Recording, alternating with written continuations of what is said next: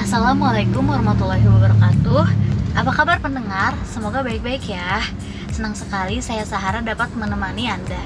Oh iya, dalam pembahasan kali ini kami menyampaikan informasi mengenai advokasi yang diberikan oleh LAHA kepada anak-anak yang terdampak COVID-19 Lembaga advokasi LAHA juga penting loh dalam perannya untuk memberikan dukungan kepada anak-anak serta masyarakat.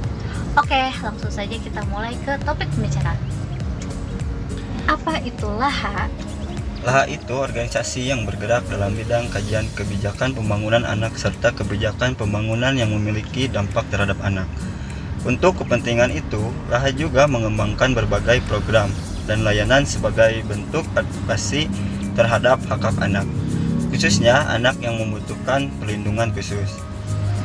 Oke, selanjutnya um, bagaimana sih terdorongnya kemunculan LAHA itu? Coba aku pengen tahu. Jadi, LAHA itu hadir sejak pertengahan 2001 karena kekosongan terhadap kebutuhan atas layanan bantuan hukum bagi anak-anak. Berhadapan dengan hukum dan isu perlindungan hak anak lainnya.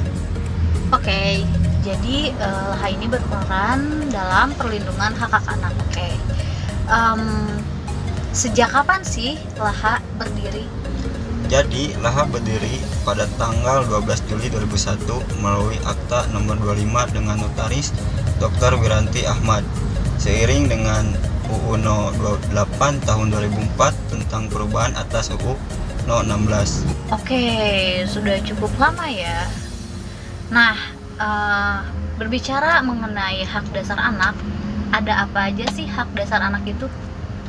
Jadi, uh, ada beberapa hak dasar anak.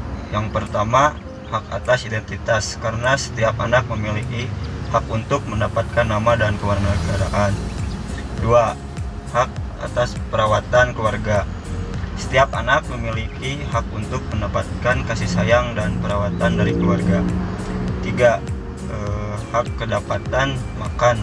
Setiap anak memiliki hak untuk mendapatkan makanan yang cukup dan bergizi dan sebagainya.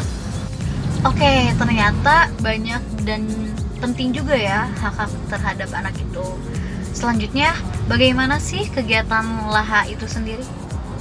Kegiatan LAHA memiliki beberapa kegiatan. Yang pertama, bantuan hukum anak, layanan bantuan hukum secara gratis bagi anak yang mengalami permasalahan hukum.